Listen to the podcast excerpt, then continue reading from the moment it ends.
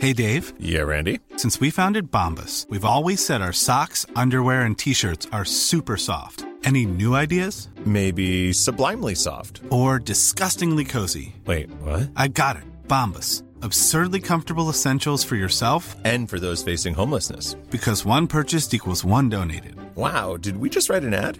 Yes. Bombas. Big comfort for everyone. Go to bombas.com slash ACAST and use code ACAST for 20% off your first purchase. Get up to 30% off wedding jewelry at BlueNile.com and remember the joy of your wedding day forever. Blue Nile offers everything from diamond and lab grown diamond wedding bands to classic pearls, earrings you can design yourself, even gorgeous sapphire pieces for your something blue. Whatever you choose, Blue Nile's pieces are all graded for excellence for a lasting memento as brilliant as the love that inspired it. Right now, get up to 30% off at BlueNile.com. BlueNile.com.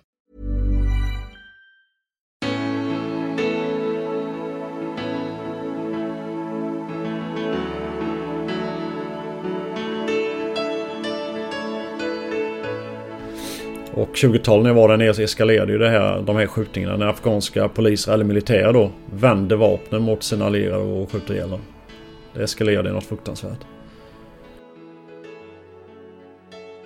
När kollegor har skjutits ihjäl och sånt där. eh, Man tar en öl.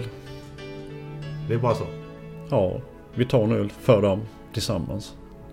Vi som är kvar då. Det måste man göra. Ja, det är många lärdomar. Politiker ljuger alltid. Det går inte att lita på dem. Man kan bara lita på sina närmaste stridsparskamrater. Och sen ska man vara väldigt rädd om sin familj. Innan intervjun med Roland Strandberg så fick jag se en presentation med bilder och videoklipp som jag aldrig sett förut på TV. Att se filmade bakhåll med dödlig utgång räckte för att göra avtryck på mig. Samtidigt, framför mig sitter inte en skjutglad tvåmetersjätte med mod i blicken som älskar vapen och som är totalt befriad från all empati. Nej, istället är det en trevlig 50-plussare i normalstorlek med småländskt påbrå som öppnat sitt hem för mig där han bjuder på pepparkakor och lussebulle en mörk fredagseftermiddag i november. Dessutom, Roland sökte upp äventyret frivilligt i bland annat Bosnien, Afghanistan, Irak och Somalia. Hela situationen gjorde mig rätt förvirrad och det kanske påverkade intervjun. Men jag hoppas den funkar ändå. En reflektion har jag gjort så här efteråt. Det är lätt att förfäras över realistiska bilder och filmer och man kan undra varför man deltar i krig på eget initiativ. Men kom ihåg, flera av de här insatserna har godkänts eller stöds av politiker som du och jag själv har röstat fram. Så, vem trodde vi skulle göra jobbet? Långt intro, men nu kör vi! Roland Strandberg, välkommen till podden Spännande möte. Ja, tack så mycket. Du, just nu sitter vi hemma hos dig i eh, Jönköping en fredag eftermiddag och imorgon fyller du år. Ja, det stämmer det. Får gratulera i, gratulera i förskott här. Ja, tack så mycket. Ja, hur känns det? Du är 50 plus. 50 plus ja. Ja, det har ju gått ut för sig man fyller 50. Nej men eh, allvarligt skojat. Jag, på min 50-årsdag var jag ju i Kabul, Afghanistan. Ja. Arbetade. Kom ju hem, hem till kampen då från jobbet där. Och tänkte, vad fan ska jag hitta på ikväll? Jag fyller ju år idag. Så jag gjorde mitt eget fystest. Hoppade på löpbandet och ställde in det så jag skulle klara milen på under 45 minuter. Och gjorde det. Sen gjorde jag 50 armhävningar, 50 situps och 15 pull-ups. Och lovade mig själv att göra om det när jag är 60. Okej. Och Och eh, det kommer inte att bli lätt. Det kommer inte bli lätt. Nej, fy. Nej, det blir inte lätt och jag, jag som är 60 så att jag vet inte riktigt om jag klarar alla de grejerna som jag gjorde när jag var 50. Så att jag kan ju säga att det blir ett visst förfall mellan 50 och 60. Ja, det är ju skador och sånt. Ja. Hade man inte det så hade man ju kunnat träna. Nu har ju vissa skador i, i fötter och knä och lite annat. Men eh, jag har ju lovat mig själv. Ja, och lovat är lovat. Lovat är lovat. Lovat är lovat. Ja. Jag, jag hade Thomas Gustafsson här eh, eh, i våras och han hade också någon sån. När han blev 50 så insåg han att han tyckte att hans kropp förföll. Ja. Och då, eh, så då har han ju efter varje varje år har han gjort Vätternrundan på bättre tid. Ja, okej. Så att du har ju lite grann där ser fram Ja, emot jo man har ju tid att träna. När Ja. man blir äldre, ju mer man tränar desto snabbare ska man ju bli. Ja, ja men så är det ju. Ehm, Du, sist vi hördes, eller första gången vi hördes tror jag, så... Um, vad tror jag du var i, i, jobb? Vad, är, vad jobbar du med nu för tiden? Uh, ja, just nu är, jobbar jag som fallskyddsinstruktör. Fallskyddsinstruktör, vad är det? Ja, uh, byggarbetare, sådana som jobbar som va- vaktmästare. Sen är de som arbetar på tak. Mm. Så jag lär dem att använda sådana här klätterselar och kapningslinor och block och sånt där. Så att de inte ska trilla ner och slå ihjäl sig. Är det en utbildning eller är det grejer du säljer? Nej, jag eh, kör utbildningar. Så jag har ju jobbat åt ett norrländskt företag som heter Nuab i Piteå. Så jag har hand om södra Sverige och enligt norrlänningarna så är det väl från Bollnäs och neråt ungefär. Ja, men är det här någonting som du har eh, lärt dig eh, i, i ditt, eh, dina 30 år eh, i, i det yrkeslivet som du har haft? Ja, in, nej inte direkt. Jag hållit på med lite bergsklättring och lite väggklättring. Jag körde mycket väggklättring när jag bodde i, i Holland. Men sen gick jag... eh, Jag har gått en utbildning uppe i Piteå nu då. Så hade, jag tillsammans med en kille där, Lorentz hette han. Så han har utbildat mig till instruktör. Det var ett- det var en jättebra kurs. Ja. Väldigt lärorikt. Och kul att gå in äh, Få se alla de industrierna i, i Norrland där. Stålverk och gruvor och sånt där. Ja, det är rätt så Ja det, imponerande är, ja, det är imponerande. Ja, Allting är så jävla stort där uppe. För i en, annan, i en annan del eh, av världen där det inte är så lugnt som, som här eh, så händer ju en del saker och där har du tillbringat eh, 30 år tror jag ut- utav eh, ditt liv. Typ. ungefär. sådär. Ja. För du har inte jobbat med vilka jobb som helst. Eh, tar man din bok i, i, så att säga, i titelform så är det ju sjöman, legosoldat och livvakt som du har eh, ägnat dig åt under Ja, den här tiden. Sjöman, legionär, legosoldat Så var det var ju titeln. Men eh, det var ju bokförlaget tyckte ju att den skulle heta så. Från Forsum till Mogadishu hade jag ju tänkt kalla boken Mm. då. Jag skulle inte sälja trodde de. Nähä, men eh, de pyntar in det här med legosoldat och då kan du lika gärna säga vad, vad är en legosoldat? Ja, jag var ju aldrig legosoldat. Jag var ju contractor, livvakt. Vi var ju aldrig stridande så utan vi skyddade ju folk. Men vad är en, vad, Ja, vad är en legosoldat normalt sett? Alltså Ja, man, legosoldat är någon som strider mot betalning. för vem som helst så att säga. Ja, is, ja. Både och. Det finns ju legosoldater som har vissa... Ja, det finns ju legosoldater i den muslimska världen som IS. De har även betalda fighters där. Och det finns ju på alla sidor. Sen har du ju legosoldater som slåss för vem som helst. Utan moral överhuvudtaget. Men eh, Contractors då som... Det startade väl nästan, drog igång på allvar med Irakkriget då 2003. Då började de ju massanställa. Och personligen tycker jag hela konceptet är fel och vansinnigt. Massor med contractors gör allt som militären egentligen ska göra. Ja. Men varför är det så? Är det det här vanliga att det kommer en, en, någon som outsourcar någonting och så kommer ett bolag och så? det är ju det. Och någon tjänar pengar på det. Ja. De säger att det är billigare att ha en contractor än att ha en fast anställd soldat. Och det tvivlar jag ju starkt på. Mm. Det är möjligt det men jag tvivlar på det. Men det var ett sätt, för mig var det ett sätt att få ett jobb. I den här boken så, och det ska vi ju komma in på rätt mycket då, då skiljer ju ditt liv som, som eh, främlingslegionär och FN-soldat och som ledde just fram till det här med, med din eh, kontraktsanställd eh, säkerhetskonsult Ja. eller vad man nu, nu kallar det. Ska vi prata en hel del om. Men du, jag tänkte börja i vattnet faktiskt. För i något avsnitt så hörde jag, om det var någon radioavsnitt, så att du, du blivit jagad av hajar. Jag jagade, jag jag har blivit attackerad av hajar. Ja. ja. Var, varför blev du det? Eh, ja, lite klumpigt beteende kanske. Jag var med i en grupp och dök då i, eller i Costa Rica var det. Utanför Canyo Island där.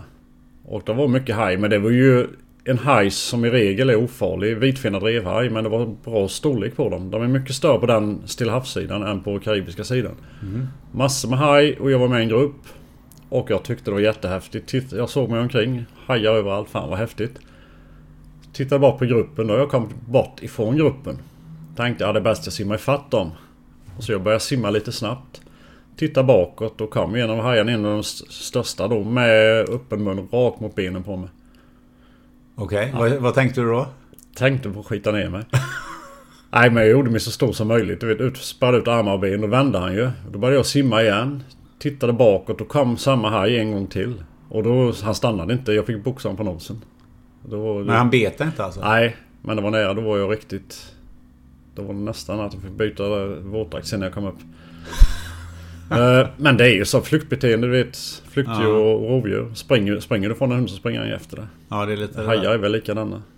Du, en, en fundering eh, som jag har. Eh, det är ju det här, du sa just det att eh, ja, det var häftigt, det kom hajar och, och, och eh, såna grejer. Är, är du en sån här person som, som redan från barnsben alltid vill ta reda på saker och ting själv, hur, hur det är? Alltså, för jag vet att eh, jag har läst någon annanstans att du, du, ni var i Varberg och du tittar ut över havet och funderar vad som fanns på andra sidan. Eh, Var du sån här som, som barn att ja, men jag ska ta reda på det själv, jag låter, jag låter inte föräldrarna berätta? Nej, jag är nyfiken. Jag har alltid varit nyfiken. Även om någon sa att det där ska du inte göra då...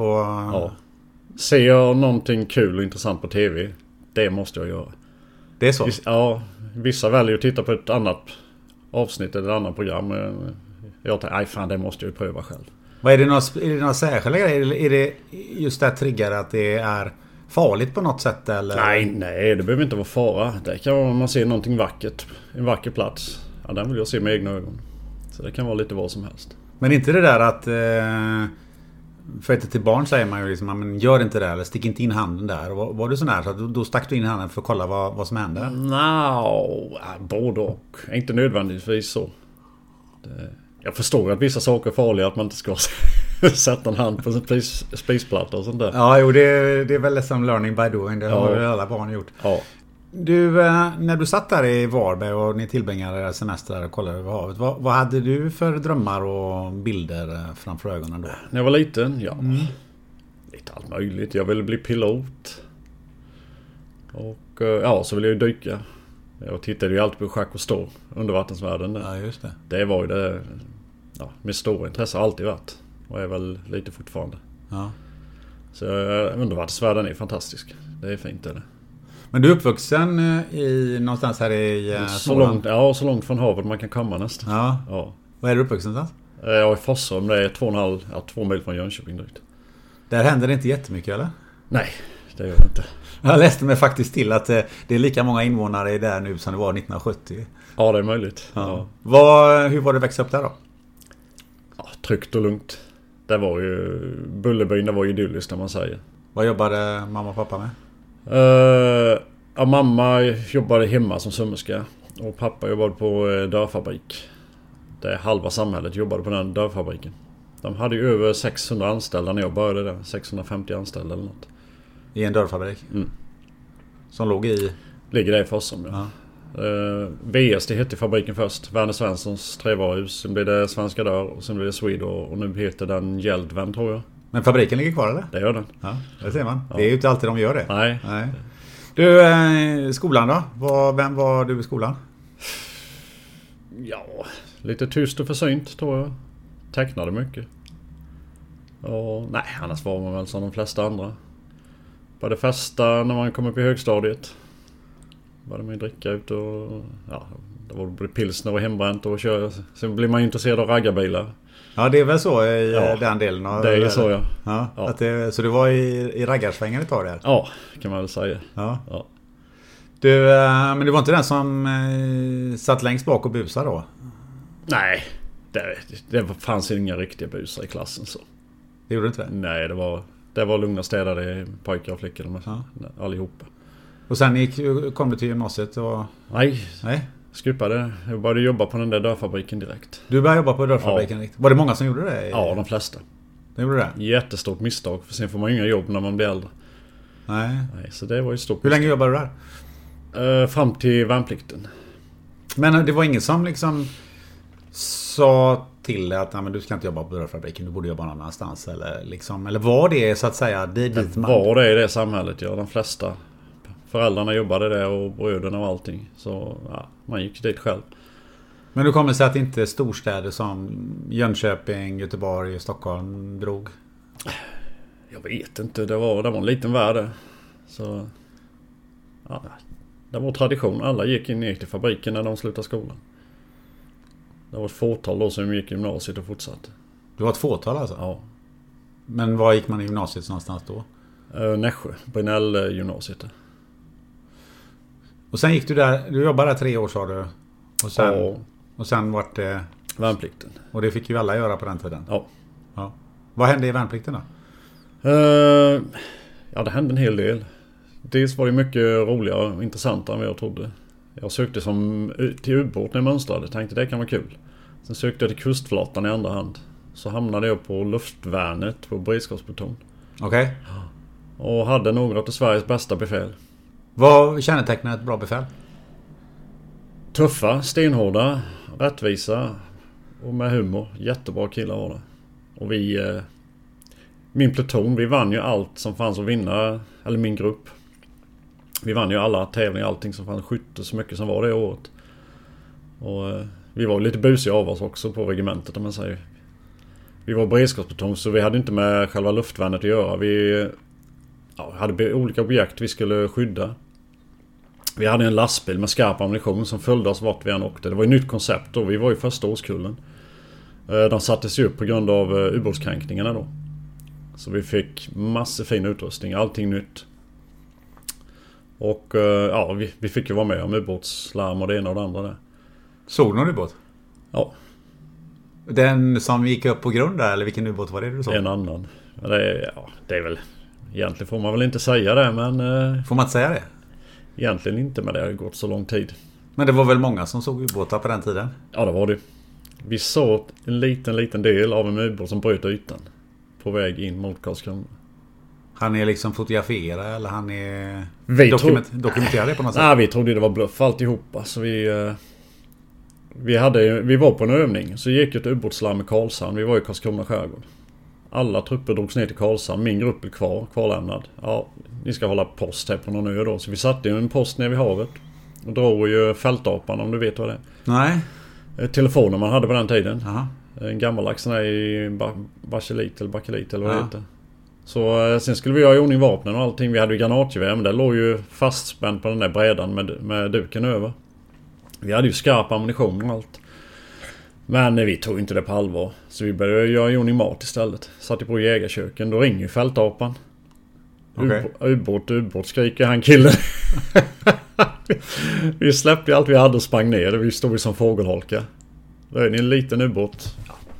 En meter drygt såg man på bara att den bröt ytan precis. Det var väl så grunt mellan två öar. På väg in mot Karlskronaområdet då. Men det var en sorts miniubåt då eller? Ja det var det väl antagligen. Nå- Något litet. Ja. Det ser man. Ja. Så det fanns ubåtar? Förutom den som gick på grund där? Ja. Nationalitet på den vet jag ju inte. Nej, det är ju ingen som vet. Om Nej. man säger så. Nej. Där blir du så att säga fångad kan man väl säga utav den världen eller det... Ja. eh, Det kan man nog säga. vad, kom, vad, vad kommer det sig att du, det fångade dig så? Det, det är... Adrenalinet när jag börjar pumpa, det är, det är kul. På, på natten då var jag och en liten kille, Jönsson, vi smög där på stranden. Och hör ju någonting komma upp ur vattnet. Och det, lät, det lät ju som... Vi hörde ju vatten droppa på en klippa. Jag, jag, jag brukar ta detta på föreläsningar när jag Ja. håller. Vi hörde ju det, hur vattnet droppade och det. Och sen hör man ju ljudet av en simfena på klippan. Ja du vet, då rusar ju pulsen. Och jag, jag viskade till han den andra killen. Stanna här och jag ska gå fram och ta dem. Skiter det sig så spring efter hjälp. Så jag smyger fram bakom buskar, AK4 i högsta hugg och hoppar fram. Där stod en svan där, den höll på att skita ner sig. Men du vet fantasin skenar ju när man Ja. är på, i mörker. All ljuden hörs ju så tydligt på natten också. Men hur länge låg du inne i lumpen då? Eh, tio månader. Tio månader och vad hände sen? Uh, sen, ja, sen jobbade jag, jobbade jag svart i Malmö Frihamn faktiskt. Skar ner båtar och sånt. Och sen fick jag ett jobb. Jag hade sökt jobb på Sjömansförmedlingen under tiden jag gjorde lumpen då. Så gick det bara ett par månader så fick jag min första båt då. Men vad kommer det sig att du inte fortsatte i, i militären? För det hade funnits möjligheter att... Ja, och jag, jag var faktiskt tillfrågad. Och eh, ångrar ju, jag ångrar idag att jag inte gjorde det. Varför då? Nej, ja. Det hade, varit, det hade ju varit ett bra yrkesval. Jag hade trivts i det militära. Men sen ville jag ut och se världen också. Jag var jättenyfiken på vad som fanns på andra sidan havet.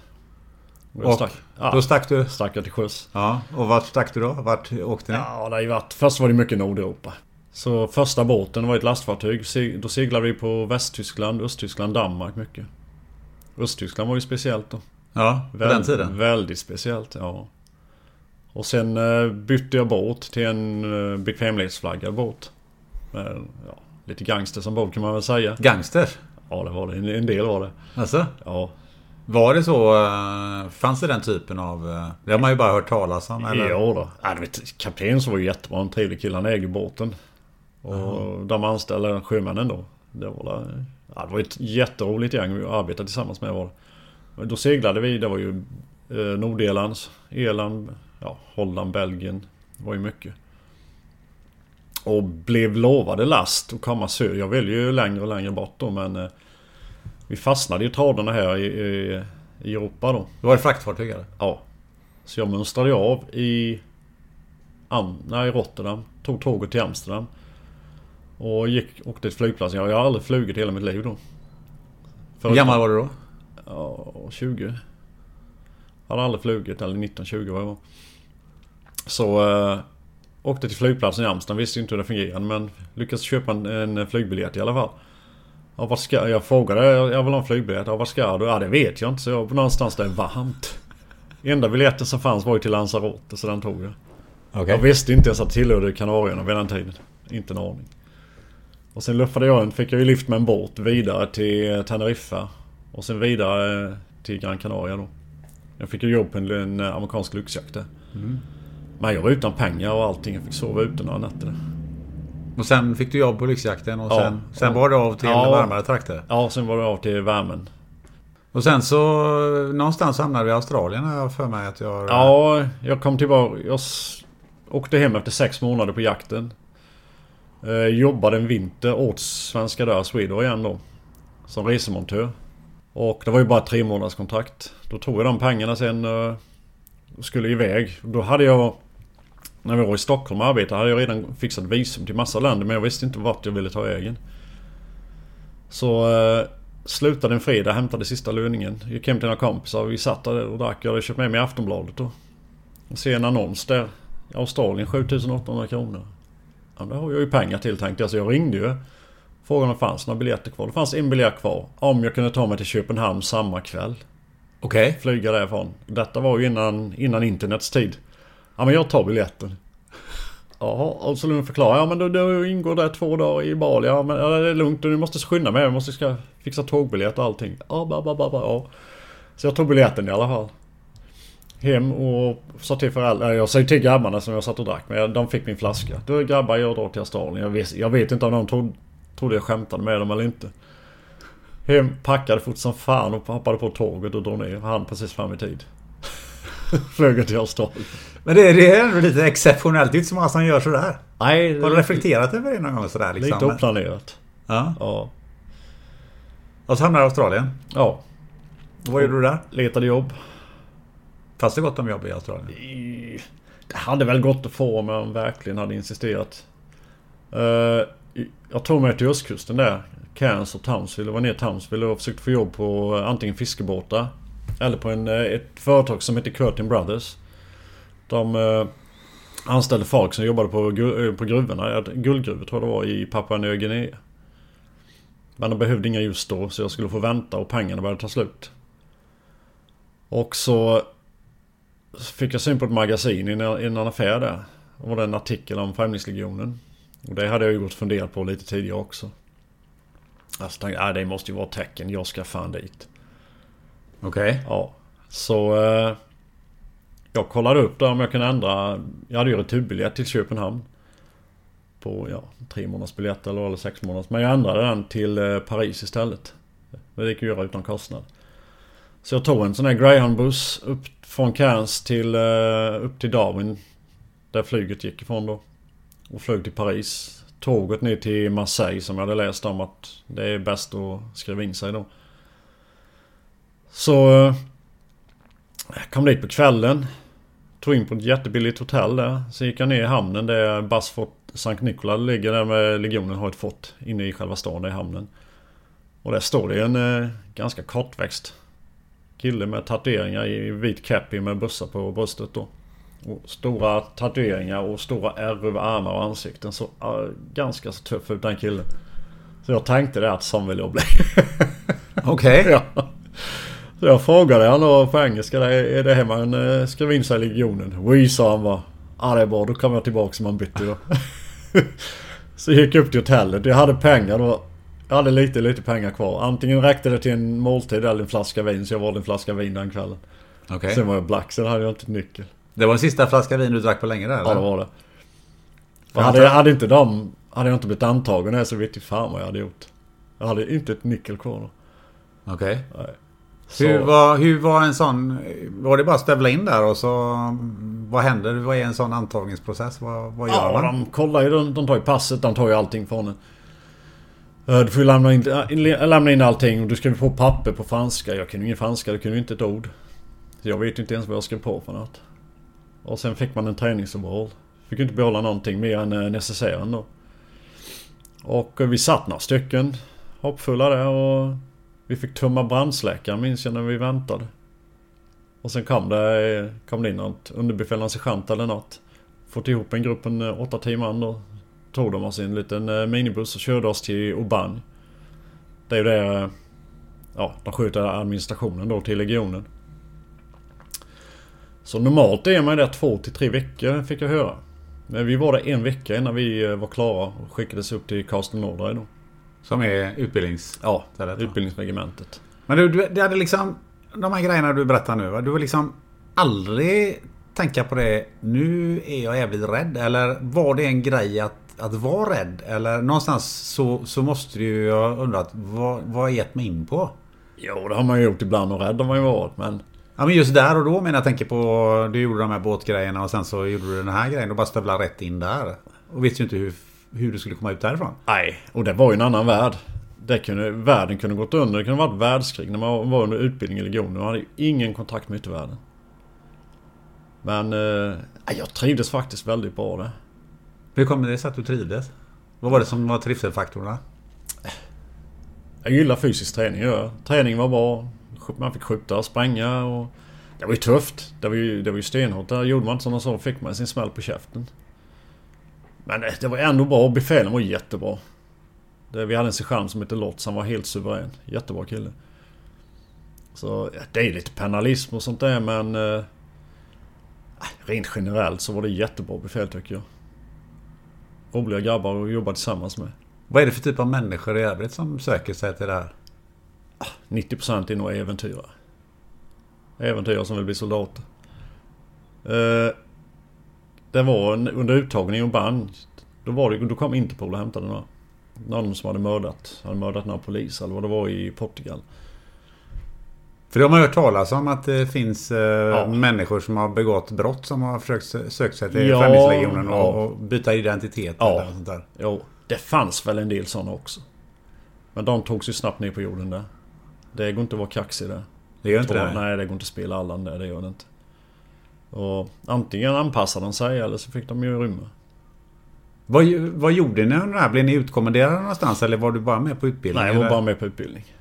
Så grundutbildningen i Karlstad sökte regemente och jag ville ju bli dykare för det är ju mitt stora intresse. De hade en dykargrupp då i eh, sjätte ingenjörsregementet. Dinops heter den. Det är ju uppdelat idag i två regementen som heter Premier Reg och och Decim Reg. Så det var ju min, eh, min dröm var ju att bli dykare där. Så jag hamnade i bergskompani där. Hej, jag heter Ryan Reynolds. På Mint Mobile, we like to do the opposite of what Big Wireless does. They charge you a lot, we charge you a little. So naturally, when they announced they'd be raising their prices due to inflation, we decided to deflate our prices due to not hating you. That's right. We're cutting the price of Mint Unlimited from $30 a month to just $15 a month. Give it a try at mintmobile.com slash switch. $45 upfront for three months plus taxes and fees. Promo for new customers for limited time. Unlimited more than 40 gigabytes per month. Slows. Full terms at mintmobile.com. Ever catch yourself eating the same flavorless dinner three days in a row? Dreaming of something better? Well, HelloFresh is your guilt-free dream come true, baby. It's me, Kiki Palmer. Let's wake up those taste buds with hot, juicy pecan-crusted chicken or garlic butter shrimp scampi. Mm. Hello Fresh. Stop dreaming of all the delicious possibilities and dig in at HelloFresh.com. Let's get this dinner party started. Hey, I'm Ryan Reynolds. At Mint Mobile, we like to do the opposite of what Big Wireless does. They charge you a lot, we charge you a little. So naturally, when they announced they'd be raising their prices due to inflation, we decided to deflate our prices due to not hating you. That's right. We're cutting the price of Mint Unlimited from $30 a month to just $15 a month. Give it a try at mintmobile.com slash switch. $45 upfront for three months plus taxes and fees. Promo rate for new customers for limited time. Unlimited more than 40 gigabytes per month. Slows. Full terms at mintmobile.com. I bergskompani istället för dykning? Nej, du får inte komma till dykningen direkt. Nej, okej. Du måste göra tid först. Okej. Och visa framfötterna. Ja. Jag hade nog... Hade, hade jag inte dragit därifrån så... Och kroppen hade hållit. Då hade jag nog hamnat där tror jag. Ja, för du, eh, du stack därifrån? Ja. Knäet gick ju sönder något. Det var ju som en handboll. Jag hade så jävlens ont. Vad gjorde du då? Ja, jag skulle ju... Nej, det var, jag vet inte hur det kom sig. Men det var väldigt svullet. Det gjorde väldigt ont. Jag gjorde klart kommandoutbildningen i 25 med ett jättestort knä. Alltså jag gav, gav aldrig upp. Jag ställde upp i regementsmästerskapen i orientering. Med ett svullet knä. Och sprang med ett rakt ben och ett fungerande. Kom tvåa i och med att jag genade, simmade över en flod. De andra, en kall flod på vintern var ju detta. De andra fick ju springa många, många kilometer för att runda det. De ville inte hoppa i det kalla vattnet. Men det var okej alltså, Ja. gena? Ja, ja det var det ju. Så jag kom in på en andra plats där. Men det var också liksom, fundera på att hoppa i en kall flod på vintern. Ja. Klarar jag av att simma över dit på andra sidan? Ja, det vet man ju aldrig. Nej men... Det är liksom inte... Det fanns inte i din tanke att jag kommer inte... Jag, det kan hända att inte jag klarar det här. Eller vad, vad liksom... Man blir lite fascinerad av sådana där grejer. Nej, men man, man klarar ganska mycket. Du var mer... Du, du, du kände någonstans innerst inne att jag, jag klarar mer än vad, man, vad jag Ja. tror och sådär. Ja. Jo, det gör man.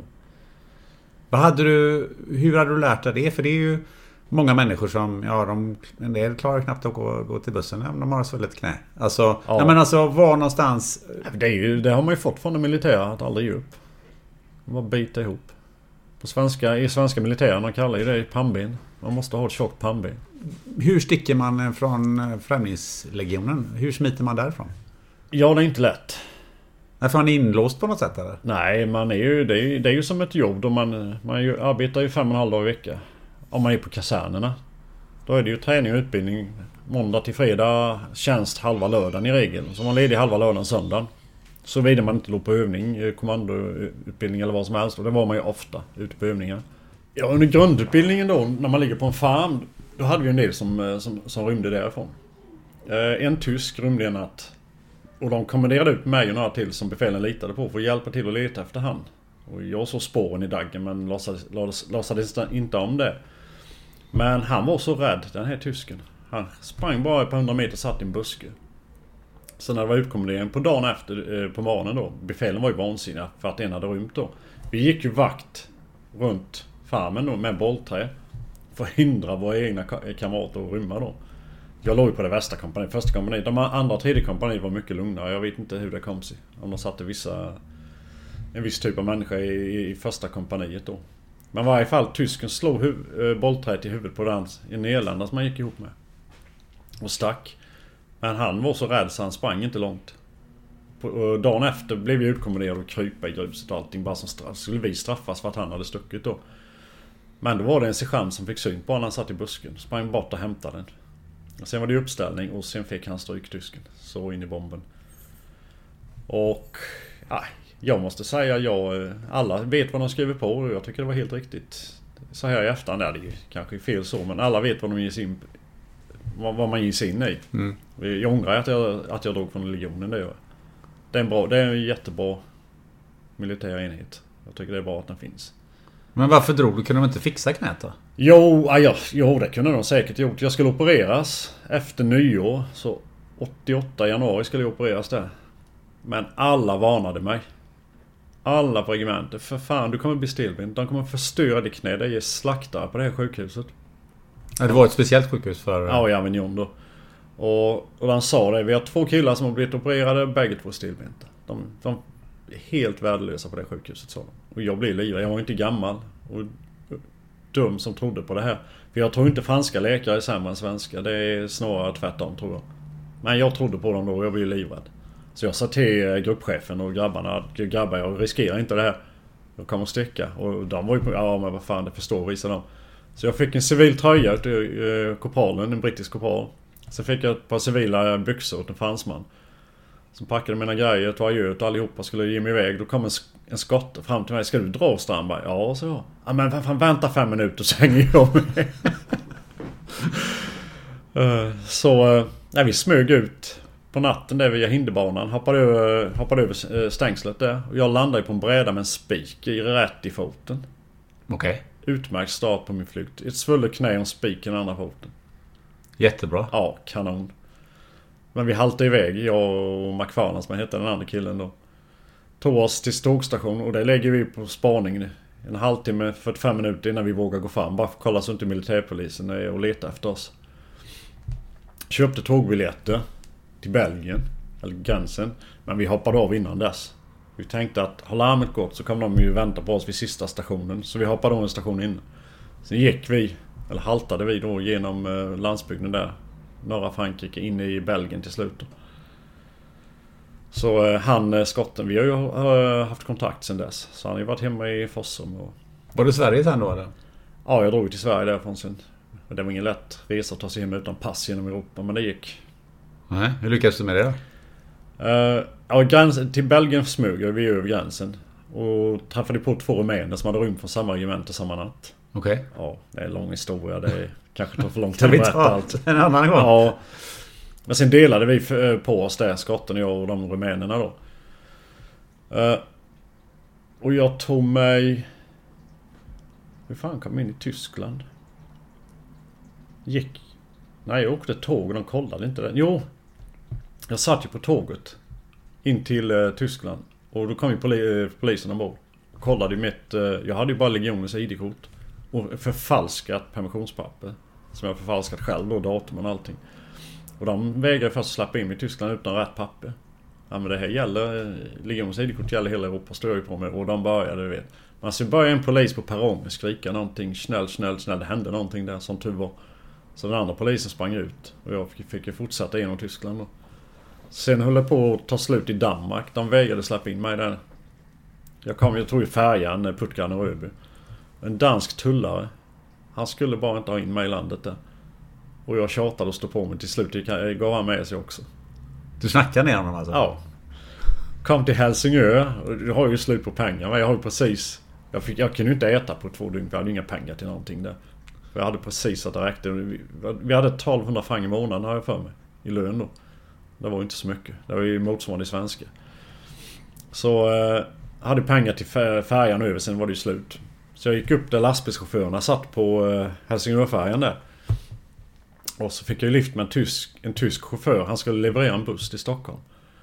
Då sa han bara vänta på mig efter tullen. Så får du skjuts då. Så jag fick ju gå runt. Ja, tullarna stoppade mig givetvis. Snagga, då har jag ju bytt om från en civil till Legions träningsvårdsjacka och byxor då. Så tullen stoppade mig. Men när de fick se capen i, det, i capen och det jag hade i, i väskan så bara vinkade de förbi mig sen. Så åkte jag med bussen upp till eh, Jönköping där han, chauffören släppte av mig då. Och började gå på motorvägen upp mot rondellen till eh, riksväg 31 hem. Då kom ju polisen vid fyra på morgonen. Stoppade mig. Här får du inte gå. Ja men för fan. ja ja, de körde upp mig till rondellen och släppte mig där i alla fall. Och då kom det en sån här heatbil. Så fick jag lift hem. Sen var jag hemma igen. Ja, först gick jag på komvux. Men jag hade inte pengar att gå kvar. där. Jag var tvungen att dra in lite pengar. Så jag fick sluta där. Jag tänkte läsa in gymnasiet då. Men det sket ju sig. Så började jag jobba på Hettich. Och där jobbade jag till 89. 88-89 då. Men då kliade det i kroppen igen. Då ville jag bara ge mig iväg. Så vi satt...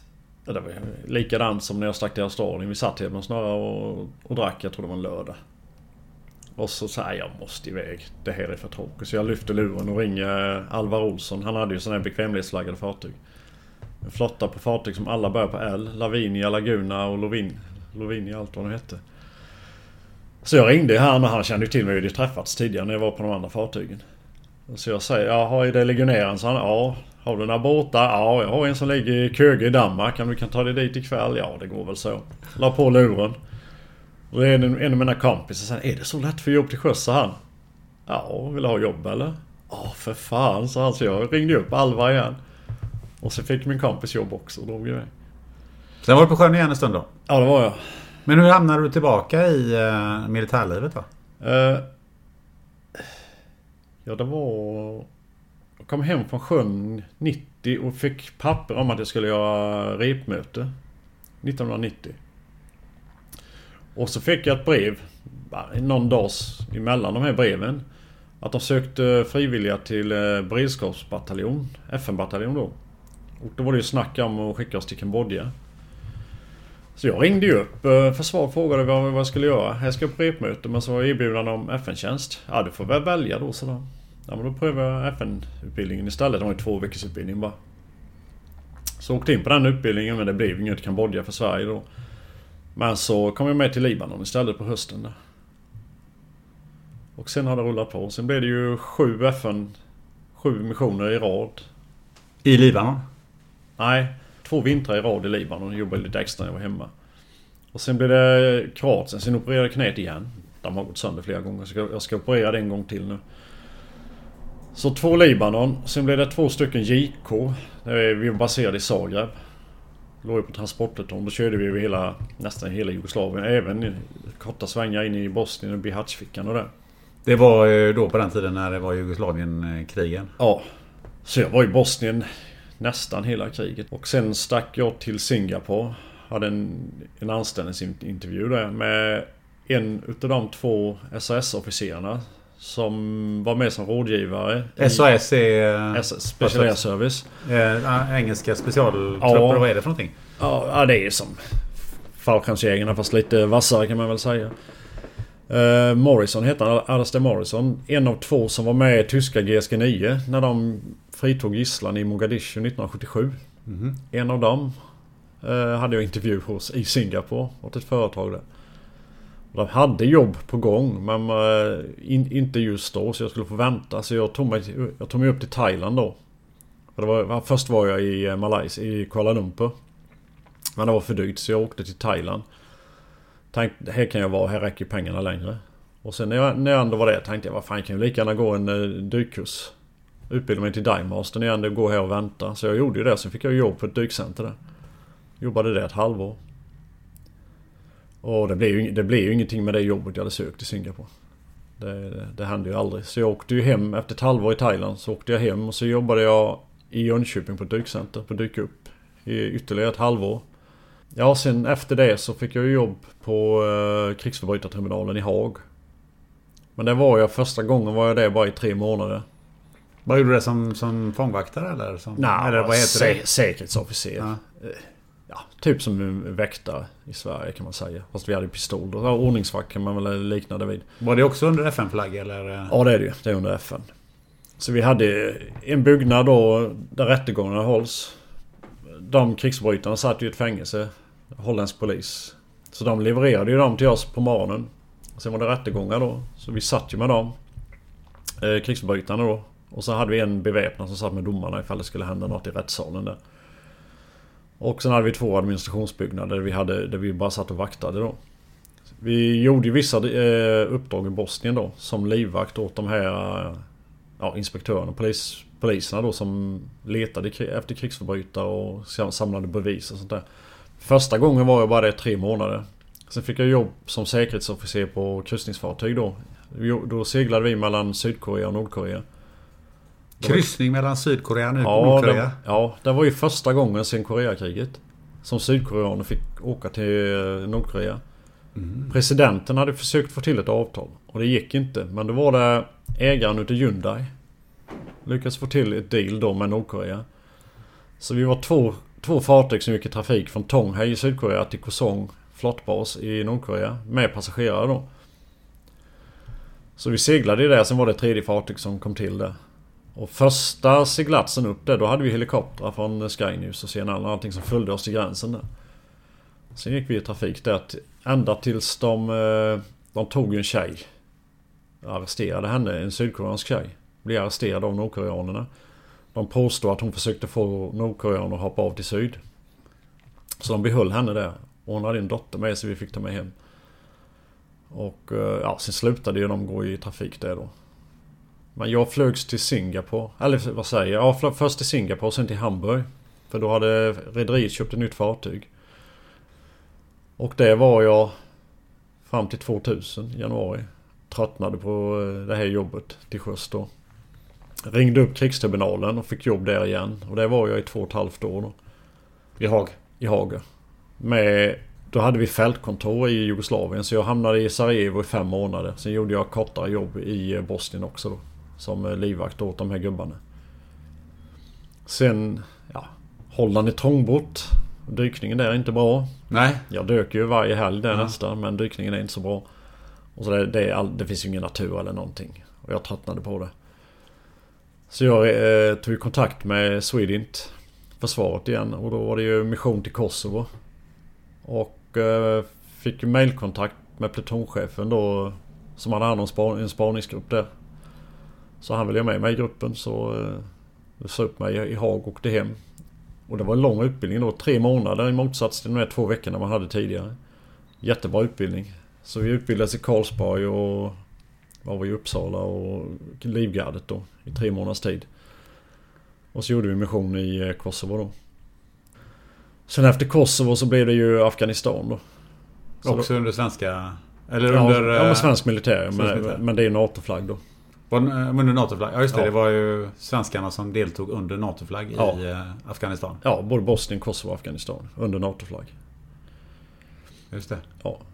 Och sen hamnade du i, så småningom i Irak. Vi ska hoppa in i de här grejerna sen men jag tänkte bara att Ja. vi tar hela. Du hamnade i Irak sen va?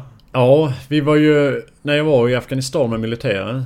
Vi blev utkommenderade en eh, kväll eller en natt. Eh, Det hade hänt någonting i stan. Så vi fick åka dit för att säkra någon gata. Och eh, då kom det fram en långhårig kille Men tjena Strandberg så han. Tänkte, Vad fan är det? Då var det ju en gammal kustjägare som hade luggat på JK då som jag kände igen. Vad fan gör du här? Så jag, jag jobbar åt en sån här säkerhetsfirma, en brittisk då. Jag hade ju inte ens hört talas om det här då. Så han fick sig till så jag fick en intervju där. Och eh, när, min mission var slut så bytte jag ju bara kläder hemma och åkte över till, eh, till London då och hade en intervju. Och sen några dagar, några dagar senare så flög jag till, tillbaks till Afghanistan då. Hade tre månaders kontrakt med det företaget. Global Risk. Då var Global vi, Risk. Ja. Så då var vi säkerhetskonsulter åt eh, FN. Okej. Ja, så vi var ett eh, fint gäng som flög från London. Vilken service på flygplatsen alltså. Vi var där ett 30-tal som flög iväg. Det var ju brittiska, före detta brittiska och svenska soldater nästan hela högen. Och på Heathrow på flygplatsen när de fick höra vad vi var för en och vart, vart vi skulle. Vi hade ju, det var ju första klassservice alltså. Så vi flög till Baku först. Hade någon natt där i Azerbajdzjan och sen flög vi vidare till Kabul då. Så vi hade en egen villa då, Global Risk. Och sen skickade de upp oss tvåmannateam. Två killar med två, tolk, eller med två chaufförer och en tolk i varje team då. Så vi skulle förbereda allt inför valet då. Första valet i Afghanistan. Då på 20 år eller vad det nu var för något. Så de skickade, jag hamnade ju uppe i bergen, Central Highlands. Ihop med en annan svensk då och två, två eh, afghanska chaufförer då och en tolk. Så vi gick ju, antingen åkte vi eller gick vi från by till by för att kolla säkerhetsläget. Och förbereda dem då inför det här eh, valet. Att de skulle registrera sig och, och det ena med det andra där. En engelsman som jag skulle varit ihop med från början. Innan det blev en vakans i Central Highlands. Han och en annan britt som jag också träffade där. De åkte till... Vad var de? Jalalabad tror jag. Båda de två och tolkarna där, eller ja, tolken och de bägge två. De blev ju ihjälskjutna av afghansk polis. Av afghansk polis? Ja, som de jobbade tillsammans med. De sköt ihjäl dem, sköt dem i ryggen. Vad... Det lätt, låter ju väldigt, i mina öron, vi som sitter här hemma i Sverige som inte har, har varit med där nere, det låter ju väldigt otroligt märkligt. Ja, men det är, det är ganska vanligt där nere. Du vet ju aldrig vilka... Eh, var deras lojalitet ligger. De kan vara köpta, mutade eller helt enkelt hålla med talibanerna. Eller så kan det ligga någonting annat bakom. Det är jättesvårt att veta. De sköt ihjäl dem i alla fall. Det måste ju vara fullkomligt eh, livsfarligt att vistas i en, i en miljö där egentligen du kan nästan bli ihjälskjuten av vem som helst. Ja.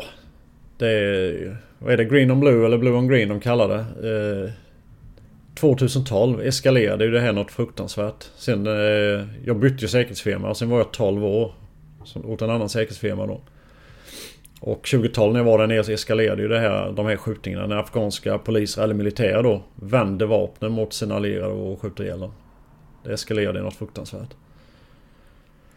Det Vad, bör, vad var de mutade av, eh, av talibaner eller vad, vad fanns Ja. det för... ja. Jag vet inte om du vet hur talibanrörelsen startade?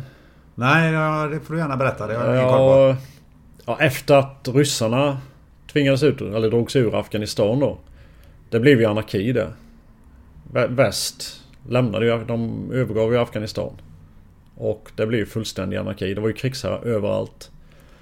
Så de, ja, de förtryckte ju vanligt folk som satan. Och våldtog och stal det de behövde och det ena med det andra, eller det de ville ha. Så det var ju en sån här mulle, Mulla Omar. Han hade ju ett gäng yngre pojkar. Mestadels föräldralösa pojkar då som hade gått i sån här koranskola. Och till slut fick han ju nog. Så de... Eh, det var väl ett gäng banditer som hade... Jag tror de hade våldtagit en tjej eller någonting. Då tänkte nu får det fan vara nog. Så han tog med sig de unga grabbarna, beväpnade dem. Och tog hand om banditerna. Och då spreds ju det. Sen gjorde han det ett par gånger till. Slog till mot såna här rövarband. Så det spred ju sig. Så han blev ju jättepopulär i början. Så han var också en sorts krigsherre kan man säga. Ja, ja, nej, det var inte, inte i början. Inte vad jag förstår i alla fall, men han blev ju det sen. Men han blev ju omåttligt populär i början. Och det förstår man ju. Det fanns ju ingen säkerhet i landet. Så han, inf han införde ju säkerhet. Men sen började ju de bli sponsrade då av Saudiarabien och så här. Och salafismen kom in i bilden. Den lite mer extrema versionen då av Islam. Och sen gick det ju överstyr fullständigt. De, det blev ju medeltidslagar och allt sånt som de hade då. Men i början förstår man ju att, att han fick sånt stöd. Det gör man ju för det var ju... Det var ju något fruktansvärt. Jag har ju... Eh, ett par kompisar som var i Främlingslegionen. De jobbade som livvakter åt eh, Aga Khan. Och han besökte ju Afghanistan då när talibanerna hade makt. Aga Khan, vem var det? Eh, Ja, vad fan är han för något? Han är en bland världens rikaste. Han skänker bort sin egen vikt i guld varje år till eh, välgörande ändamål och såna här Vad grejer. är det? Vilken nationalitet är han? Jag är inte hundra du. Jag har vetat det, men jag har glömt bort det. Ja. Det heter ju Okej. Aga Khan Foundation. Okej. De har kontor i Kabul. De har kontor Jag tror han bor i London har jag för Mm, mig. mm. De flög, de utgick alltid från London. Mm. Han hade ju leg- legionärer då som livvakter. Så de besökte ju Afghanistan när talibanerna hade makten. Och även Tadzjikistan. Och då pågick det ett inbördeskrig där då i Tadzjikistan. I slutet på 90-talet. Men du, eh, många har ju väldigt mycket åsikter om just eh, den här insatsen som, som gjordes under de här åren i, i Afghanistan på olika sätt. Vad är, vad är din bild utav, eh, utav det här västs eh, insatser under, under den här perioden? Ja, både jag och jag tror ju de flesta brittiska och amerikanska soldater jag tjänstgjort med. De är ju... De flesta tycker ju att de här politikerna. Eh, Bush, Senior, Junior, Obama, Hillary Clinton, Tony Blair speciellt då. Skulle sättas dit för eh, krigsförbrytelser. Tycker många av mina kollegor. Varför då? Nej, det... De har ju det ja, vad ska man säga? Kalla det olagliga krig. Olagliga krig? Hur ja, det är, De hade speciellt ta Libyen. Jag, vet, jag har inte en aning om varför de gick in där. Det fanns ingen direkt anledning vad jag vet. Det har varit mycket, det har varit mycket underligheter. Irak vet jag inte riktigt varför de gick in i heller. Och Men just Afghanistan kan man ju säga är den mest eh, röriga Ja, situationen. det var, det var ju en terrorbas, det var det ju. Så det fanns väl fog för det. Men ja, de har ju inte skött det som de, som de skulle skötta kanske. Inte politiskt i alla fall. Men hur, hur ska man sköta ett krig eh, i ett sånt land där du, som du säger här, du vet inte vem som är fiende, du vet inte vem du blir skjuten av och du... Eh, du vet inte kanske inte riktigt vad uppgiften är, men att din uppgift var att, att, att eh, skydda en viss person eller vissa personer. Men, men det måste ju vara nästan omöjligt. Ja, det är inte lätt. Det är, det är inte lätt alls. Jag har, nog inte, jag har nog inget enkelt svar på det. Jag vet ju bara att det sköts fel. När jag var i Irak då. Jag var ju där 2004 till 2000 2007 första gången. Eh, Paul Bremer, administrationen, de tog över styret av Irak. Alla som, var, som ju arbetade sa att de gjorde det helt fel. Det, det kunde ju, en femåring kunde ju inse det. Vad var det största felet de gjorde?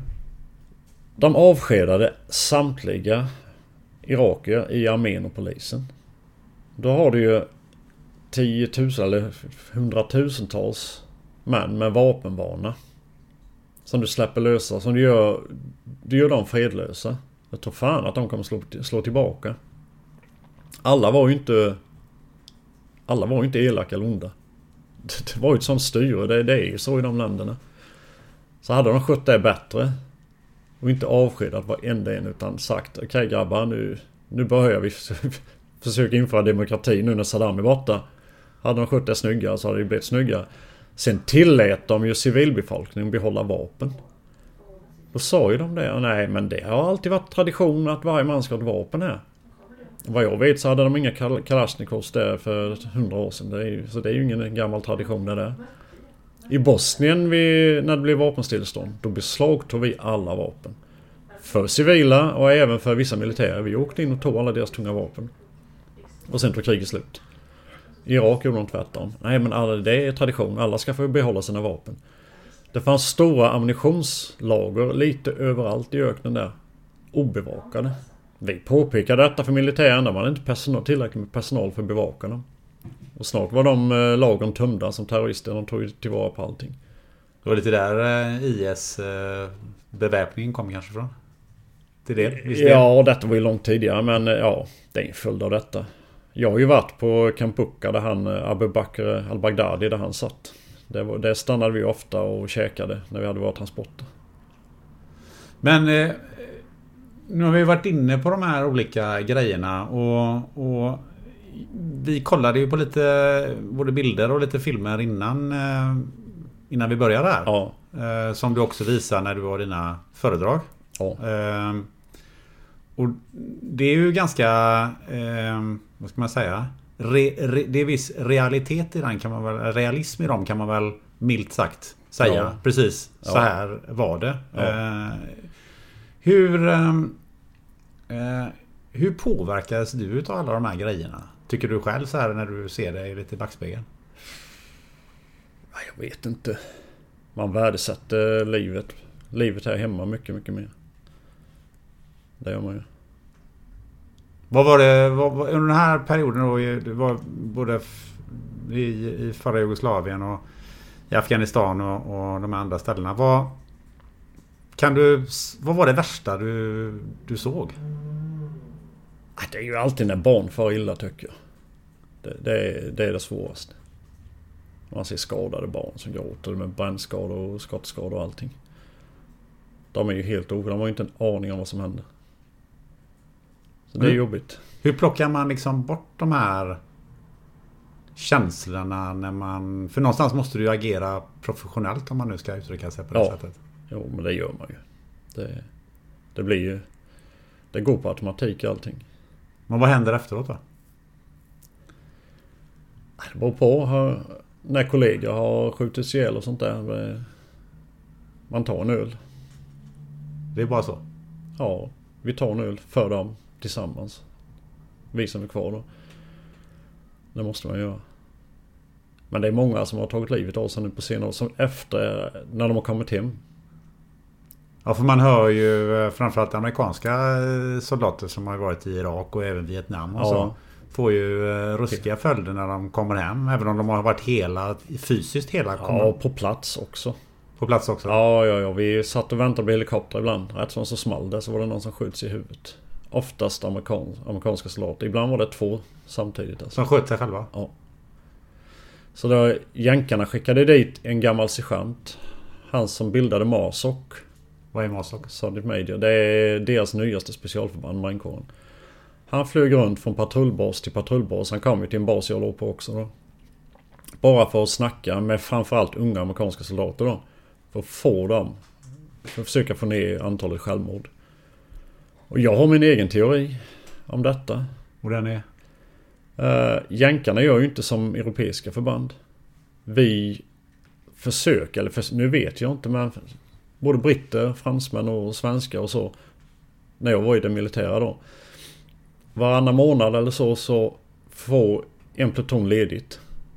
Så att de har en dag ledigt, så på kvällen kan de fästa till det. För äldre karlar har det ingen betydelse, men de yngre måste ha en säkerhetsventil tror jag. Släppa på stressen. De festar till det och så är de lediga dagen efter och ingen tjänst. Och sen fortsätter de jobba. Jag tror det är en jätteviktig säkerhetsventil. En del säger att man inte ska blanda in alkohol men jag håller inte med om det för det, då släpper alla hämningar. Visst, det blir slagsmål. Det blir blåögon och utslagna tänder kan det bli. Men det är bättre än självmord. Jänkarna plus amerikanerna då. Marinkåren gjorde sju månader. I sträck? I sträck utan att åka hem. Europeiska bataljoner gör ofta sex månader men då är de hemma två veckor halvvägs i. På permission då. Eller på liv som det heter. Amerikanska marinkåren gör sju månader utan att få åka hem. Och amerikanska armén gör 18 månader. 18 månader hemifrån. Får inte åka hem där, får inte dricka alkohol, får inte göra någonting. Det är en starkt bidragande orsak till alla självmord och PTSD. Mm. Det tror jag. Hade ni någon sorts, förutom det att det var att ni fick ledigt och sådär, men hade ni någon eh, som... Det måste ändå vara en del saker att snacka om. Som man inte bara behöver prata med sina kompisar om utan det måste finnas andra professionella människor runt omkring som man kan snacka med. Nej, det har vi inte. Det var det inte där nere? Nej. Har du haft det när du kommit hem? Nej. Hade du behövt det? Nej. Nej? Nej. Varför inte? Nej, jag behöver inte det. Jag har det så bra nu. Jag har aldrig haft det så bra som jag har det nu. Jo, det förstår jag ju. Ja, men, men jag menar att det är ju för många som du sa, precis sa nu, att det är många som kommer hem och ja. mår jävligt dåligt. Ja. Ja, det har varit oförklarligt för mig. En, en del gamla kollegor nu som har skjutit sig. Sist, förra året, det var en hel... Hur många var det? Varannan vecka så sa jag till Lena, nu är en till tagit livet av sig. Men du har aldrig haft dem... Nej. Nej, jag sover som ett barn på natten. Du har aldrig haft de problemen? Nej. Är inte det ganska unikt? Jag vet inte. Bernie som var här, en, en kompis med han har överlevt flera attacker som enda överlevande. Han var här nu i somras och hälsade på. Uh, vad jag vet så har inte han några sådana problem heller. Han är instruktör nu för brittiska armén i Storbritannien. Han, han slutade som Sergeant Major, han är nu kapten. De tog tillbaka honom med kaptensgrad. Men har du någonsin liksom reflekterat över varför klarar jag mig så bra på, på det sättet att inte har de behoven när många andra inte gör det eller till och med tar livet av sig. För det är ju säkert många också som får hjälp. Jag antar att man har, det finns psykologer i svenska Ja, Sverige har Ja, men där, jag ger inte mycket för de psykologerna jag har sett här i Sverige. De, Varför det? Nej, vi, när vi kom från Bosnienmissionerna. Då eh, fick vi ju... Det var ju då det började med det här med psykologsamtalen och det. Och de psykologerna som de skickade, de har ju aldrig själva varit ute. De hade ju inte en aning om vad vi pratade om. Nej. Vi såg ju det på dem, så vi började ju driva lite med dem. Vi bara hittade ju på saker, så de, de blev helt förskräckta. Vi bara satt ju och drev med dem. Så nej, det, du, man måste ju ha varit med om det själv. Annars du har inte någon, du kan inte reflektera eller referera till någonting om inte du har varit det själv. Britterna hade ju problem också, de första brigaderna som kom ner. Du hade ju Opfingal. Det var britternas första mission i, i eh, Afghanistan då. De var mindre styrkorna skickade dit, huvudsakligen i Kabul. 2006 skickade de ner en brigad till Helmand. Och det var ju då det hettade till på allvar där nere. De hade ju de värsta striderna sedan andra världskriget då nere i Helmand. Och de två första brigaderna som kom hem, de hade ju problem. Grabbarna var ju så frustrerade och taggade när de kom hem så de misshandlade ju fruar och barn och lite sånt där. Så de, de införde någonting som kallas eh, decompression. Innan de flög hem till Storbritannien fick de flyga till Cypern. Så var de 48 timmar där. De fick bada sola och festa till det och bara varva ner lite. Ja. Sen då minskade ju... Det bara tog ju slut hemma då att de började slå fruar och barn. För de var ju så taggade när de kom hem. Men man tänker så här att eh, människor som är med om relativt sett då jämfört med de bilderna som, som jag såg här hemma i Sverige är med om saker. Det kan vara bränder, det kan vara, kan vara allvarliga händelser av olika Mm. slag. Får ju rätt mycket eh, psykologhjälp och, och blir också väldigt... Många blir ganska dåliga och det finns ju även exempel på självmord där naturligtvis. Ja. Eh, men det är ju ändå mycket mer extremt det som du har varit med om jämfört med, med det. Om man, nu ska, om man nu kan jämföra på det sättet. Men, men eh, var och en har ju, har ju sin egen upplevelse så att säga. Men, men finns det någonting i det här att Ja men vi hade betalt för det där och, och då, Jo. då har man en annan inställning eller liksom Jo hur- men det, är- så är det ju lite. Vi visste vad vi gav oss in på. Vi hade betalt för det. Vi har tränade för det. Hur tränar man för sådana här grejer? Förutom att den fysiska träningen. Men, Ja. men kan man träna sig till såna här, eh, den typen av... eh, Ja, men det, det gäller ju inställningen gör det ju lite. Och ja, de andra försökte ta död på oss. Och man skjuter tillbaka och... Ja, jag vet inte vad jag ska säga. Det låter rätt enkelt sådär liksom. Att Det man... är enkelt. Människan har gjort så i tusentals år. Ja. Ta, tänk andra världskriget om alla skulle gå omkring och ha PTSD efteråt. Ja, det kanske de hade på sina sätt och så men eh, livet måste ju gå vidare. Nej, jag vet ju min... Där har jag faktiskt inte frågat min far någon gång. Men han var ju faktiskt med i andra världskriget. Ja. Även om han inte hamnade vid fronten. För han Ja. var för ung för det. Ja. Ja. Men det är kanske så att vissa människor inte drabbas på samma sätt. Nej. Nej, det är väl olika. Det måste ju brandmän och sånt där och poliser. De får ju se mycket skit också. Men de har ju eh, professionell runt omkring, hjälp runt omkring sig. Har jag förstått i alla fall. Jo, nu, jo de har väl det nu. Det tror jag. Men... eh, Ja, hur bra de är det vet jag inte. Men man säger, fanns det något mission i dig när du åkte till de här ställena? Varför gjorde du det här? Fanns det något under mer än att... Du har ju pratat om äventyret och adrenalinet och de här grejerna. Men Ja. fanns det något annat skäl till att eh, du kände liksom att här behöver jag hjälpa till? Eller vad, vad kan... Finns det, fanns det några andra skäl som du kände att det var viktigt på något sätt? Det jag vet inte riktigt. Det är, lite svårt att säga men... eh, Jag trivs med jobbet och... och jag, vill vara, jag vill vara professionell i det jag gör. Och jag trivs med det jobbet. Det är påfrestande och kämpigt. Och det är utmanande så jag gillar det. Det var intressant. Det, så när jag kom ner till Irak var väl sådär. Det var väl ganska okej. Men sen när jag kom ner till Helmand då med brittiska brigaden där. Som enda svensk då i denna styrkan. Det förtroende jag fick av britterna och välkomnandet var ju helt... Man blir ju helt... Fan, vilket jävla välkomnande man fick. Helt enormt. Och sen blev det en plats ledig som livvakt till högste chefen. Det var ju två killar som, eh, som hade hand om högste chefen. Jag ska träffa min kollega nu i Stockholm om två veckor. Så eh, blev det en vakans där jag sökte och fick, fick det jobbet. Det var ju många som frågade när jag kom på alla... Vi åkte på sådana möten med generaler och diplomater. Alla frågade sig hur fan kom det sig att en svensk är livvakt åt brittiske chefen? Ja, jag vet inte. Så det bara blev så. Så man fick ett enormt förtroende av britterna. Jag fick ju deras security clearance och allt möjligt. En sak jag funderar på det är ju det här med rädsla. Eh, och, eh, eller rädsla och risk.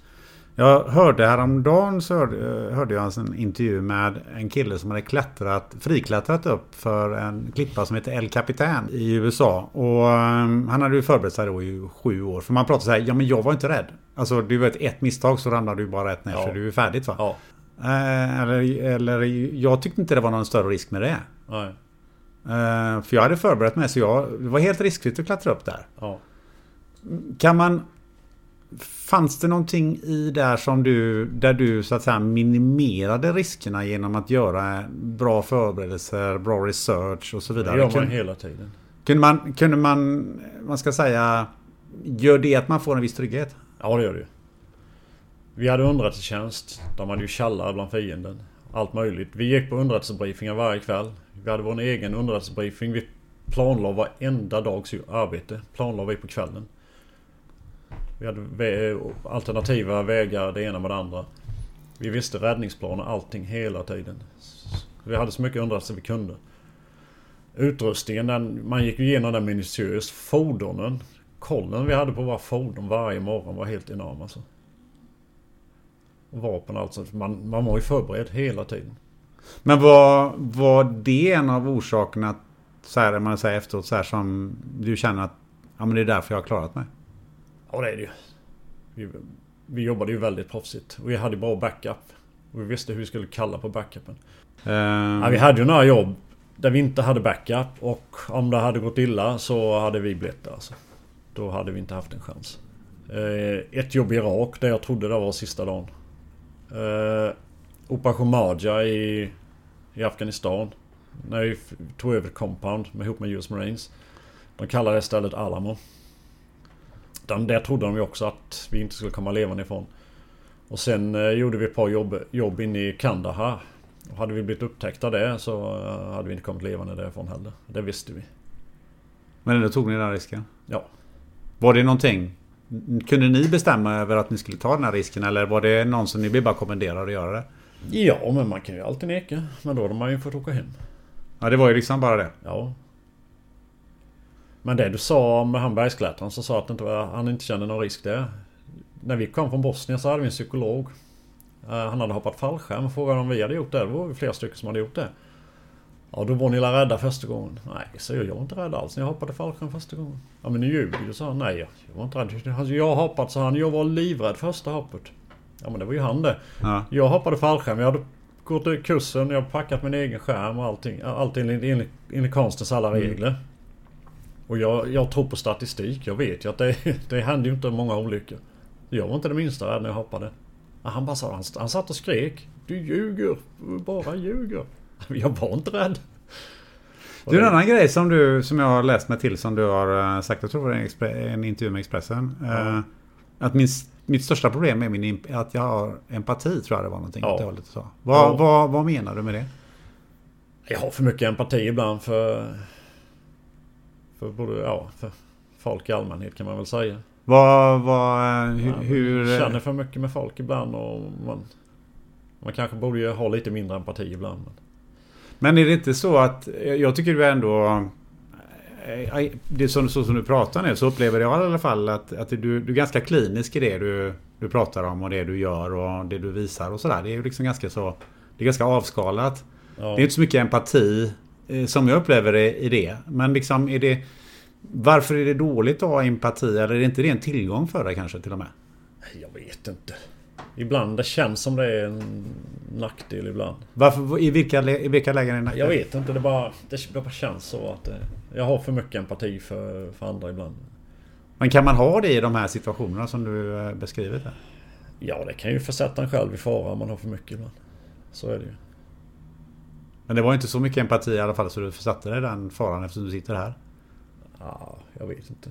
Ja, jag har lätt för, jag har lätt för att tänka mig in i hur andra känner. Ja. Jättelätt. En annan grej som du har sagt är ju att den som skriker högst är den som oftast klarar sig. Ja, det beror ju på situationen ja. Ja, eller vad, vad är... Hur, hur, Ah, det kan var- du relatera det till någonting? Ja, när man är i sådana länder. Med machokultur och det. Jag mötte ju en, eh, en eh, general från BH-armén. Bosniska armén. Uppe på Packmanberget. Jag var helt ensam och obeväpnad. Och jag hade lastbilar på väg upp för berget. Och det var isigt och snöigt och sånt. Och han kom med en bataljon från andra hållet och skulle förbi. Vi hade haft ett helvete om vi hade fått stanna eller backa. Det var livsfarligt för våra förare. Jag körde i förväg då i en pickup.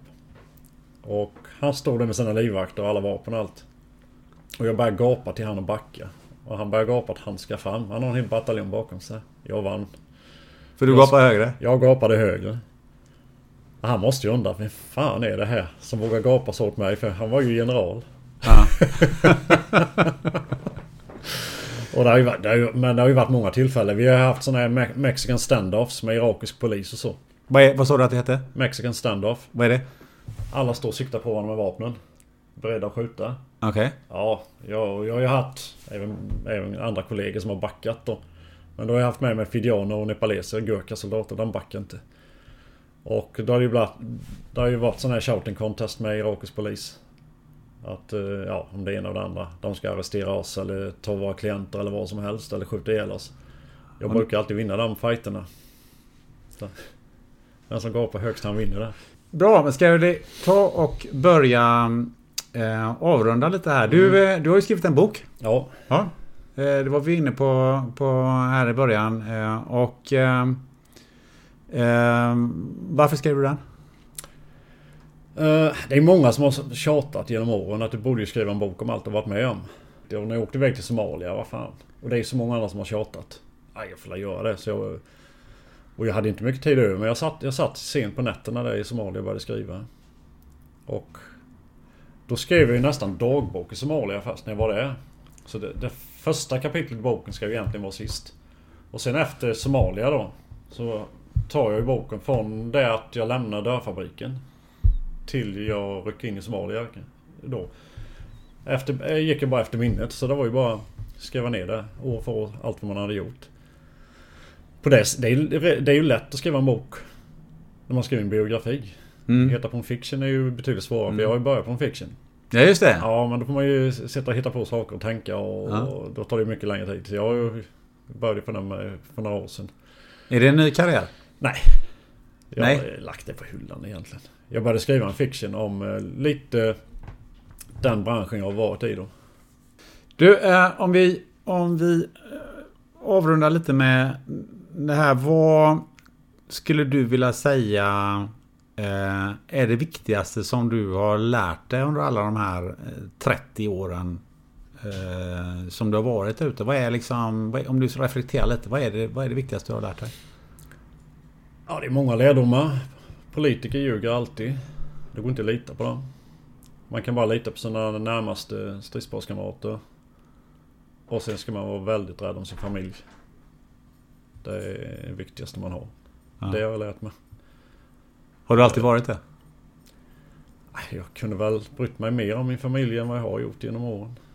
Jag har varit lite självisk när jag var yngre. Och bara drog iväg. Så mina föräldrar fick väl eh, gråa hår i förtid.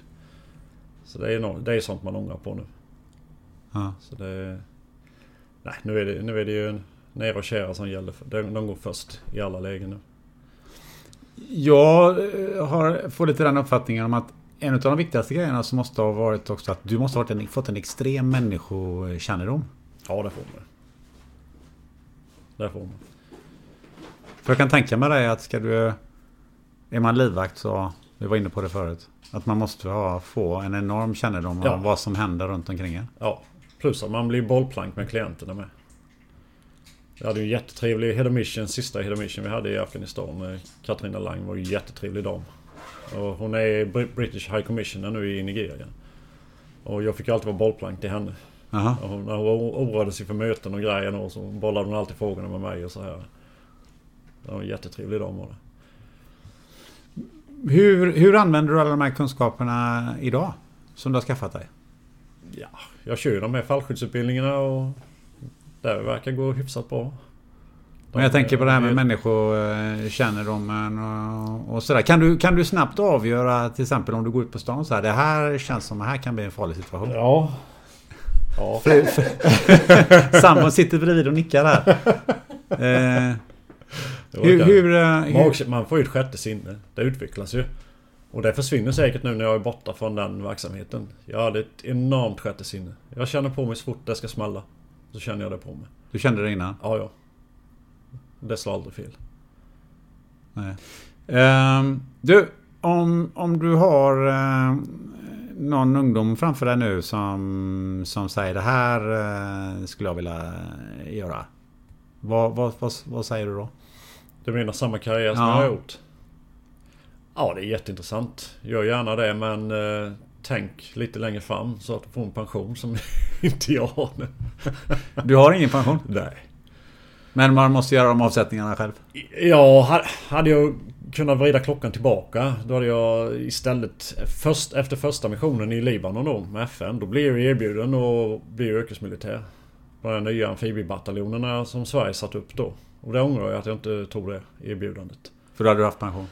Ja, haft pension. Jag hade haft en lika intressant karriär. Det är ett jätteintressant yrkesval. Om man gör nytta, det gör man. Har man bra betalt eh, som eh, livvakt? Ja, det var ju bättre för i början. Nu lönerna sänks ju hela tiden för livvakten. Man bara går neråt och neråt och neråt. Vad, vad har en livvakt idag i lön ungefär tror du? Ja, vad ligger de på nu? De ligger inte på mycket nu i Irak och Afghanistan. Det har ju... Vad är inte mycket i de här sammanhangen? Eh, Är det 50 000 eller 100 000 i månaden eller vad? ja, jag tror de ligger på 40 000 drygt pund om året. Vad är det? Det är, fyra, det är en halv miljon ungefär. Ja, då är du borta en nio månader av året så ser du inte din familj. Och du tar några jävla risker. Och du får ingen pension. Och det är brutto? Är det skatt på det? Ja, nej det beror ju på hur... Är du 72 dagar i Sverige eller mer är hemma då, du måste betala skatt. Är du, eh, eh, går du över den gränsen så att du är borta ännu mer. Men du får ju aldrig se din familj. Men det är, det är den... Det är ju en jävla uppoffring alltså. Om man ska dra in pengar till familjen. Men jag, den delen som contractor. Jag, jag tycker hela konceptet är vansinnigt från första början. Jag har aldrig... Det, det var ett sätt för mig att tjäna pengar på. Men jag tycker inte om det. För att? Nej, man, man ska inte ha contractors. Det är ju militärens jobb. Det ska militären göra. Ja. Man ska inte ha civila som gör sånt, tycker inte jag. Du, en, sak, en fråga som jag bara kom på just nu. Ehm, det är ju... Om... Nu har du jobbat för, för, för FN och för, för NATO och engelsmän och så vidare. Men om plötsligt eh, eh, säger Assad hör av Mm. sig till dig. Ja. Och säger så här att eh, ja, men jag har några gubbar här som behöver en livvakt. Ja. Jag har hört att du är jäkligt bra. Du får 150 000 i månaden. Eller ja, 150 000 i månaden. Skulle du åka dit och göra det? Nej, jag skulle fråga Lena och jag tror inte det. Jag- Nej men det var, min fråga leder lite grann till det här. Ehm, kan man jobba åt vem som helst? Eh, Nej, det kan man ju inte. Men... eh, För det var ju lite the good guys, eller ur våra ögon, i alla Ja. fall västs ögon var ju the Ja, good ja. guys då. Och det, skulle du kunna jobba åt the bad guys? Nej, aldrig. Det finns ju inte på världskartan. Ja, du skulle inte kunna vara livvakt i Kongo åt någon diktator eller så. Nej, nej, nej. Man väljer sida. Det gör man. Det är inte pengarna. Nej, nej, nej. nej. Det, det finns så många elaka, onda jävlar där ute och man ska absolut inte jobba åt dem. Nej. Fantastiskt bra avslut. Man ska inte jobba åt de onda. Det tycker jag låter väldigt, väldigt bra. om, eh, om någon vill veta mer om dig eller eh, ha tag på dig eller följa dig någonstans eh, på sociala medier eller så. Hur, hur gör man då? Ja, jag är ju inte världsmästare på det med datorer och sånt där. Men jag håller ju föreläsningar. Och det går ju att boka på Bocadero. På Bocadero bokar man dina föreläsningar. Ja. Och då kan man få veta mer. Ja, då drar jag ju... Jag håller en föreläsning, powerpoint-presentation. Den tar nästan två timmar. Den följer ju boken, men det är massa då som inte är med i boken. Och även videoklipp då Ja. i powerpointen där. Bra! Fantastiskt och ett stort tack till dig Roland Strandberg för att du ville ställa upp i den här podden. Ja, tack själv. Tack så hemskt Det var mycket. kul, ja. Något jag funderar över lite så här efteråt är hur psyket påverkas hos en människa när man under så många år lever med ständig stress och risk att bli dödad. Jag kan inte särskilt mycket om PTSD, posttraumatisk stress, men jag är övertygad om att jag själv hade aldrig klarat den här miljön. Och jag hoppas att Roland har rätt och att han inte drabbas av något efter att ha lämnat sin tjänstgöring för gott. Nästa vecka, ja då ska ni faktiskt få träffa en psykolog. Men vi ska inte snacka PTSD. Tillsammans med psykologiprofessorn Magnus Lindvall så ska vi ta reda på vad som finns i den poppsykologiska godispåsen i form av bland annat röda, gula, gröna och blå godisar. Eh, förlåt, människor. Ett avsnitt som garanterat tar dig utanför filterbubblan utlovas som vanligt. Tills dess, ta något varmt att dricka och fundera på om du är omgiven av idioter eller om det är ren idioti. Ha det gött! Ever catch yourself eating the same flavorless dinner three days in a row?